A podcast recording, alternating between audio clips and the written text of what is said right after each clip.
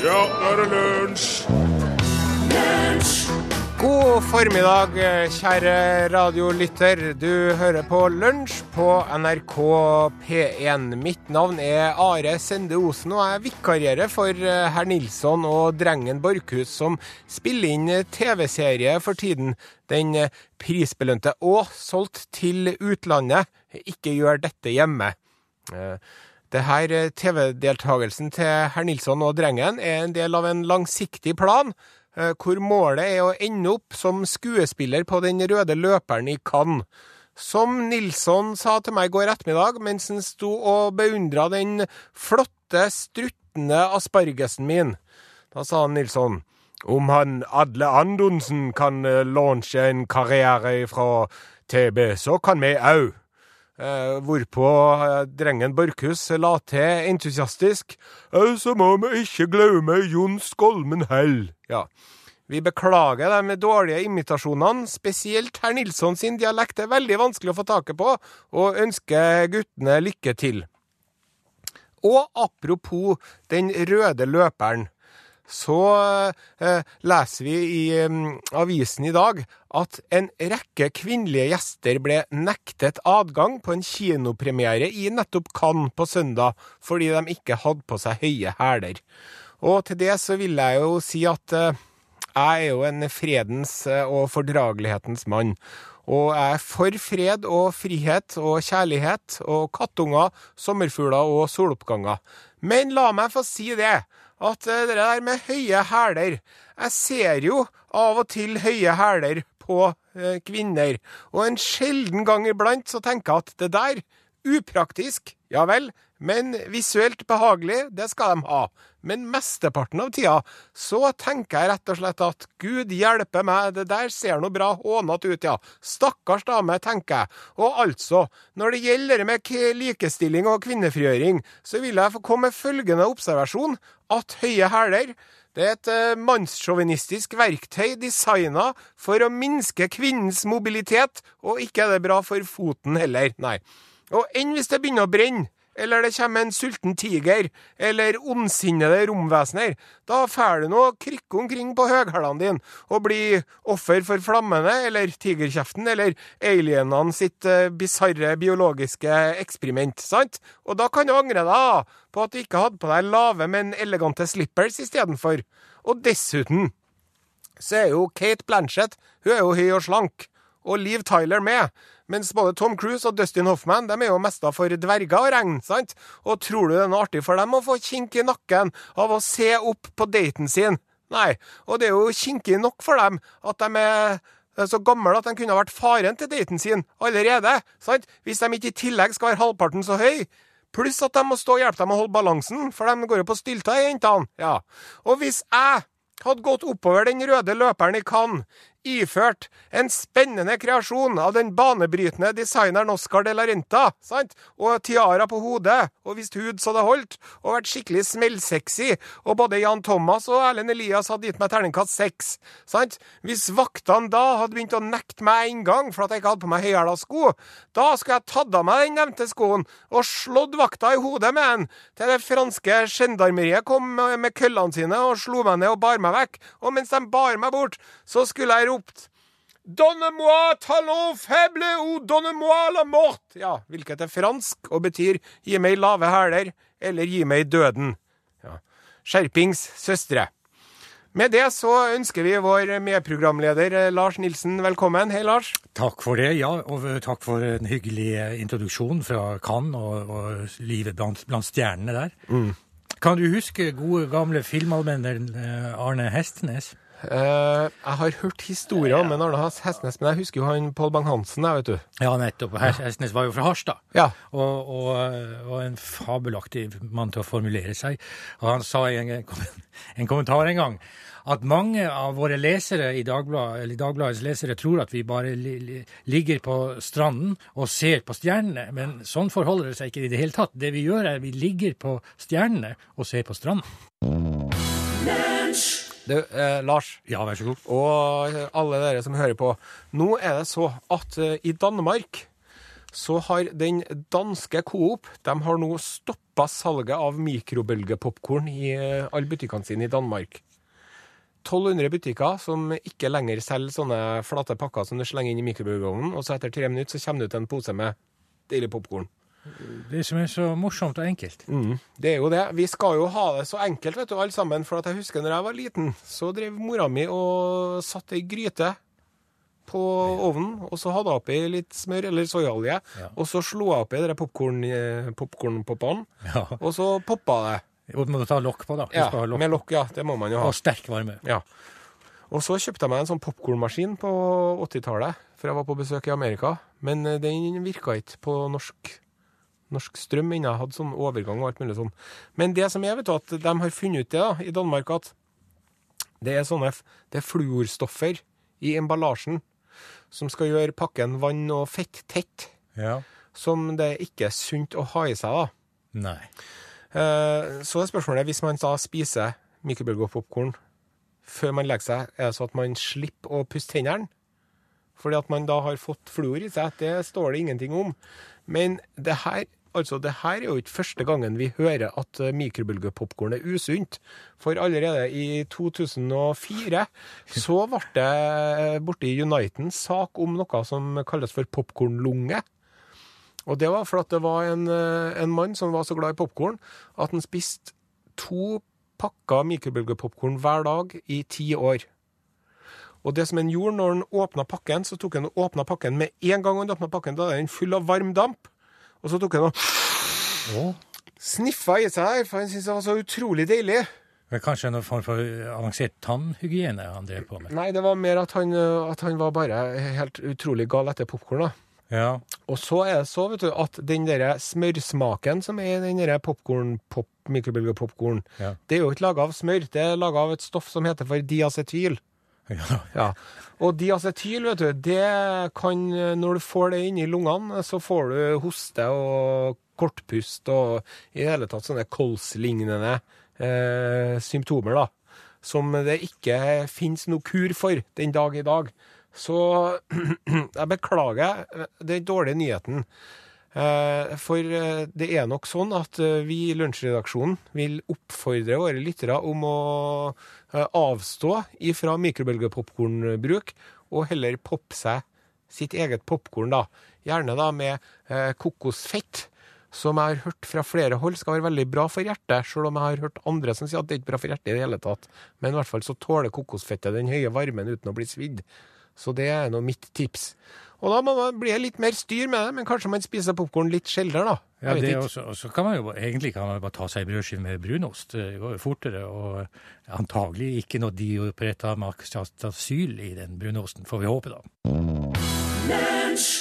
Nei, det står her, Lars, så står det at det uttales lord, Lord, ja. artistnavnet. Mm -hmm. Men det skrives ikke lord. Nei, det skrives Lorde. Ja. Ja. Og hun er 18 år gammel. Ja, men hun synger, Man kan høre at hun har en ung stemme, Ja. la jeg merke til. Men hun synger var jo en fascinerende liten eh, trudelutte Ja. der. der. Fra New Zealand. Ja. Og fødenavnet Ella Jellick O'Connor. Ja. Ja. Skal, skal være så vakkert på New Zealand, har jeg hørt. Jeg har aldri vært der. Det, er jo, det var jo der Gud laga jo de fjordene der først. Og så, Og så dro han opp hit og laga fjordene våre. da. ja, det er det jeg har hørt, ja. Så de sier at hvis du blir sluppet ned på New Zealand med et bind for øynene og tar av bindet, så kan du finne på å tro at du er i en norsk fjord. Vi kanskje skulle kontakte kringkastingssjefen når han er her oppe på Tyholt og høre om muligheten for å sende lunsj fra New Zealand? Ja, det hadde vært eh, fantastisk. De spilte under den der Lotheret der, vet du. Ja, Lord of the Rings. ja. Det hadde vært noe, Are. Ja, det hadde vært noe. Skal vi se. Vi eh, mottar eh, tekstmeldinger til 1987, kodeord L, eller e-post eh, l, krøllalfa, nrk.no. Um, ja, enig. Deformerte føtter er ikke sexy, er det en som skriver her. Og Osen, da. Du kan jo bare imitere Rune, som imiterer dialekten din. Med vennlig hilsen Henrik Håndlykken. Og så er vi på sosiale medier òg. På Facebook, ja. På Facebook, ja. No. Og det er veldig mange som lurer på Unnskyld at jeg bare turer fram her. Kjør på, du, Osen. Joakim Wagner Fransen blant annet, og Nils Harald Belika Sørensen de lurer på når er ferien over til de faste? Ja, det var det. Ja. Og blir det ikke noe Jan Olsen i dag? Og svaret er nei. Jeg vet ikke hvor det ble av han Jan Olsen. det. Nei. Og nå er det faktisk så at, at Rune og Torfinn de lager jo TV ut juni. Og så skal de ha sommerferie, så du, du, det er ikke noe Himmel oh. før i august. Hva skal folk gjøre nå, da? På eldretida? Det her er jo en, eh, det er jo en uheldig situasjon. Ja, for, alle- for alle de Ja, for alle involverte. involverte. Ja. Og vi må bare gjøre det beste ut av det, Vi må gjøre det beste ut av det. og legge ja. skuldra til hjulet. Og så er det jo så at, eh, at vi skal eh, presentere en ny spalte her nå. Det er derfor jeg sier den der eh, e-postadressen l-krøllalfa-lunsj.no, eller at du kan sende SMS til 1987 kodeord L. Fordi at eh, eh, Lars, du er jo rett og slett meget vel filosofisk bevandret. Ja, jeg har i hvert fall vært mange år, jeg har holdt på med filosofi i mange år, ja. Ja, du har drevet undervist i filosofi òg, Ja, det har jeg også og rundt omkring i militærforlegninger. Jeg har vært på Bali og så har jeg Ja. studert filosofi og holdt på med filosofi i, i radioens program 2 i 15 år. Så Ja. det, det har vært noe filosofisk kliss sitter jo igjen, da. Og hvis man, hvis man, hvis man uh, sier noe til deg, så har du ofte en sånn uh, Du kan ofte komme med en, en slags filosofisk spinn på det. da. Det forekommer. Ja. Og at, uh, at det kommer da ofte en litt lengre filosofisk avhandling Ja, knyttet det- til emnet i kanskje økende mindre grad. Ja, Jeg men det er lov, jeg blir ikke fornærma hvis man tar frem strikketøyet eller legger seg nedpå litt. Grann. Så, Nei. ja. Nei, så nå er det så, uh, kjære lyttere, at hvis det er noe du lurer på av filosofisk art, så, eller hvis det er noe du lurer på generelt, så er det jo ikke noe vits å spørre eh, astrologer eller eh, andre kvakksalvere når vi har en ordentlig vaskeekte filosof her i studio. Så vi bare sier følgende nå. Hvis det er noe du lurer på, eller hvis det er noe du tenker over, eller noe du spekulerer på, eller forundrer deg over, eller noe du syns er interessant eller forunderlig, send oss en melding, og så skal jeg lufte for Lars og høre hva han syns om den saken. Og da skal du få høre at det kommer til å bli interessant for alle. Så kom jeg i skade for å si at e-postadressen vår var l.lunsj.no. Det er jo riv ruskende feil. Det er um, eh, l.nrk.no. Alfakrøll, altså. L, alfakrøll, nrk.no. Det er korrekt. Og så er det så at vi har kommet til vår nye spalte som heter eh, Spør filosofen. Og eh, vet du hva, Lars? Jeg har jo laga en eh, kjenning til den, jeg. En liten vignett. Ja. Har du lyst til å høre den, eller? Kom an. Lunsjvikarene presenterer Ny spalte! Spør filosofen. Hva syns du om den? Veldig bra. Ja, takk skal du ha. Bra. Er du klar nå? Vi får prøve. Vi vet jo ikke riktig hvordan det her skal gå, da, men vi prøver. Roar Tverelv spør hvor mange filosofer trengs det for å skifte ei lyspære? Det er en historie jeg har hørt før når det gjaldt vel westernsangerne, men jeg husker ikke poenget. 21, kanskje. Jeg har hørt den, eh, hvor, hvor mange ekte mannfolk det trengs for å skifte lyspære? Én til til pære og ni til å synge om den. Nei, det er ingen, for ekte mannfolk er ikke redd for mørket. Eh, og så skriver Ole Gunnar Sætre, spør et tre i skogen deiser i bakken. Skjer det med et brak hvis du ikke er der? Ja, ikke sant? Der, der, der spiller han inn uh, et svært Jeg tilhører de som uh, mener at det skjer med et brak, selv om du ikke er der. Ja. Og det hadde du vel kunnet diskutert litt fram og tilbake, vil jeg tro. Vi kan godt gå nærmere inn på det, men det kanskje smarteste her og nå er å la det ligge. Kikki lurer på om vi skal tillegge drømmer noen betydning, eller skal vi ikke bry oss med det? Vi må, de, de, drømmer kan tydes. Det gjorde han godeste Sigmund Freud oss oppmerksom på i et svært tobindsverk som kom i 1900, 'Drømmetydning'. Ja. Så det, hvis du husker drømmene, så bør du skrive dem ned på morgenkvisten. Du får ha iPaden eller eh, notisblokka liggende på nattbordet og skrive dem ned, for de fleste drømmer betyr noen ting. Og det mest utfordrende syns jeg jo er at Sig, Sigmund, eh, Sigmund Freud eh, niholdt på dette at han sa at alle drømmer er oppfyllelse av et ønske. Ja. Tygg på den, du. Ja. Og da er det jo det at man, man drømmer vel at man tar livet av sin far og har sex med sin mor, er ikke det? Ja, det er jo den til ja. Freud. Jo, altså Freud lærte dette av grekerne. Det er vel det Ødipus-myten handler om, akkurat det der. Og det gikk jo galt med Ødipus. Da han lærte hva han hadde gjort, så ville han jo ikke være med lenger. Nei. Og så er det noen som har et filosofisk spørsmål. Vi tar, et, vi tar det, det her er siste før vi spiller mer musikk. Okay. hvorfor er det alltid noen arbeidskollegaer som må være så sur og grinete dag ut og dag inn, år ut og år inn? Ja. Det, er- det, er- jeg tenker først på den gamle eh, ordtaket 'på seg selv'. Kjenner man andre? Ja. Altså Det kan være noe med gemyttet til den som observerer dette her, men det vet jo ikke jeg. Og så må man huske på at eh, misnøye er kanskje den aller, aller mest utbredte følelsen i arten Homo sapiens. Å, altså, ja. Misnøye. Ja. Gjerne med seg selv. Så det er ikke bare meg. Det, nei, det, det er antagelig noe som vi har vi gestalter. Vi trenger ikke å være sånn. Det går an å høre på Alf Prøysen og så suse over furua og dag i morgen og hele Ja. smala der. Men som ofte så er misnøye en ja, kanskje den mest utbredte følelsen. i- Ja. Og smittsom, sikkert. ja, det hørte vi jo på innsenderen. Og så, når, altså må bare for det var han Bendik, han eh, skriver her Du skal få en dag i morgen, gir en søt ironi over å øve til norskeksamen i morgen. Ja. Lykke til, alle som har kommet opp i norsk. Ja, og så husk på at venninner skrives med fire ender. Det er jo, eh, det er jo litt artig med eh, dem som har muntlig eksamen i norsk i morgen. Og vi leste jo opp en hilsen til dem i sted, noen trøstens ord. Og så må jeg få lov til å følge opp sjøl til dere som eh, nå skal ha muntlig eksamen i norsk. Er ikke dere glad for at dere har vært på fylla nå i tre uker som russ? Ja, ja, så sitter jeg med en sånn eh, klærne klør fra innersida utover. Ja, og, og, og, og så går det jo an selvfølgelig å tenke på hvor ble det av januar og februar og Ja. alle de planene om å lese som jeg hadde den gangen. Ja, Og det her gjelder jo ikke bare norsk muntlig, men alle eksamener i morgen. Jeg har et veldig godt råd eh, som jeg fikk av en voksen eh, for, for, forlegger, altså forlagsredaktør, en gang i tida. Det går til alle som skal fremstille noe skriftlig, og overbevise enten det er en sensor eller en redaktør. Eh, og han sa det slik at eh, hvis du er frilansjournalist, så må du bare skrive så godt at redaktøren ikke kan si nei. Ja. Sånn er det. Ja, men eh, ikke kom og si her at vi ikke driver og hjelper dere. Nei. Og lykke til. Og så, altså, hvis du, altså, så må jeg bare få si sånn at hvis du, lest, hvis du bare hadde lest to timer om dagen, ja. sant, ja. så hadde du ligget mange uker før der du er nå. Lysår foran. Og i går, vet du, Lars, Mm.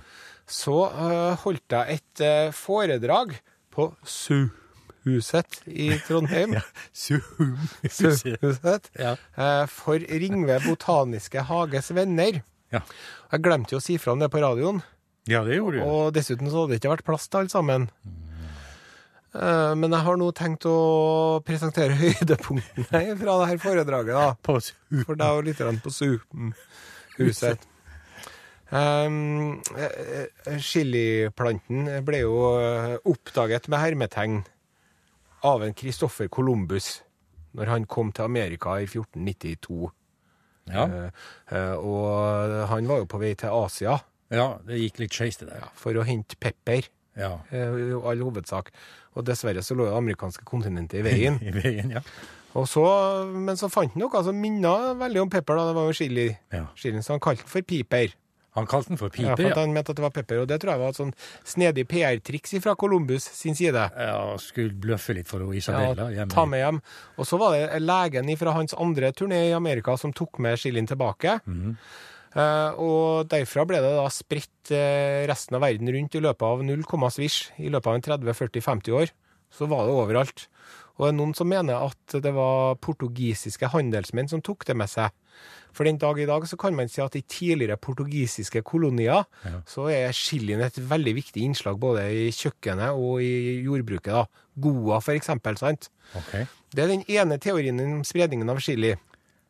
Den andre teorien er at det spredde seg fra Mexico til en annen spansk koloni, Filippinene, og så derfra videre til verden. Det er sannsynligvis den første teorien. Og så er det en tredje teori, som det stort sett er bare én mann som følger, og han er død. Men den eh, svenske arkeologibotanikeren, altså botanikerarkeologen Håkan Hakan Hjelmqvist, han skrev en eh, artikkel i 1995 om at han hadde funnet eh, cayennepepper eh, under en utgravning i Lund i Sverige, i et eh, lag som var fra 1300-tallet. Så han var overbevist om at eh, kineserne hadde tatt med seg chili fra Amerika, og at det så hadde spredt seg østfra til Europa under tidlig middelalder. Litt spinkelt grunnlag. Ja, det er li, li, lite som støtter det. Og så er det jo det at inni chilien så Hei, der kommer Pål Plassen! Hallo, Pål. Jeg, jeg driver og forteller om chiliplanten her, så. Du skal få høre om det litt, du òg. Ta frem arbeidsboka. For at det, det som gjør til at chilien smaker så sterkt, det er et stoff som kalles for kaip, kaipsisin. Ja, det var veldig vanskelig å si. Ka, kapsi, kapsi, kapsaisin. Uh, og uh, måten man måler styrken i chili på, det er at man tar en viss mengde chili eh, og tørker det, og så tar man og eh, vanner det ut med sukkervann, og så gir man det til et smakspanel bestående av minst fem deltakere. Og så når tre av dem er enige om at nå er det vanna ut med så mye sukkervann at vi ikke smaker noen ting, da er de enige om at, eh, at den har den og den styrkegraden, eh, såkalte skovilleenheter, da. Ja. Så eh, verdens sterkeste chili har jo en million Scoville-enheter. Det vil si at ett gram av den chilien blir vanna ut med én million gram sukkervann. Mens paprikaen, da, eh, den jo, har jo null, da. Det er slett. Ja, ikke det er ja. Og de vet, nå skal jeg begynne å gi meg, de vet det at menneskene spiste eh, chili i Amerika for 7000 år siden. Hvordan vet man det? Ja, det vet jeg ikke. Jo, de har funnet det inni forsteina menneskebæsj i huler, såkalte kopropolitter, eller koprolitter, som det heter, som da er forsteina bæsj.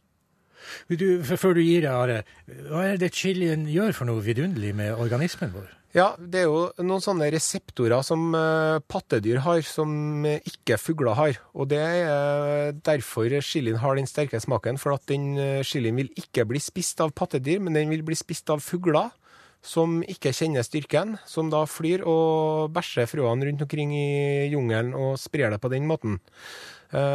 Vi mennesker kjenner det jo, og vi er de eneste dyrene som kjenner det, som vil spise det. Hvis du prøver å gi chili til en hund, f.eks., så vil de ikke ha det.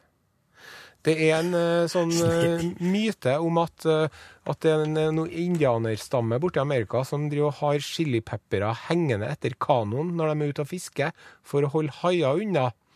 Men dere Mythbusters-gjengen har foretatt et eksperiment hvor de drev og sprengte sånne chilibeholdere rundt hai mens de drev og hadde kjøttstykker der, blodige kjøttstykker, sånn, og, og haiene affiserte seg ikke av det i det hele tatt. da.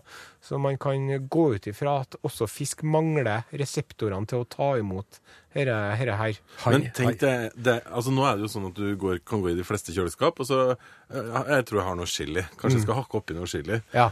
Men da jeg var tenåring for liksom bare en sånn 20 år siden, så var det jo aldri at man liksom bare hadde chili Nei. liggende og slenge i kjøleskapet. Det kommer veldig fort. Ja. Veldig mange sånne eksotiske grønnsaker. Men eh, sant, når Lars Nilsen var liten, så var det jo eh, kålrabi i butikken, og that's it. Ja.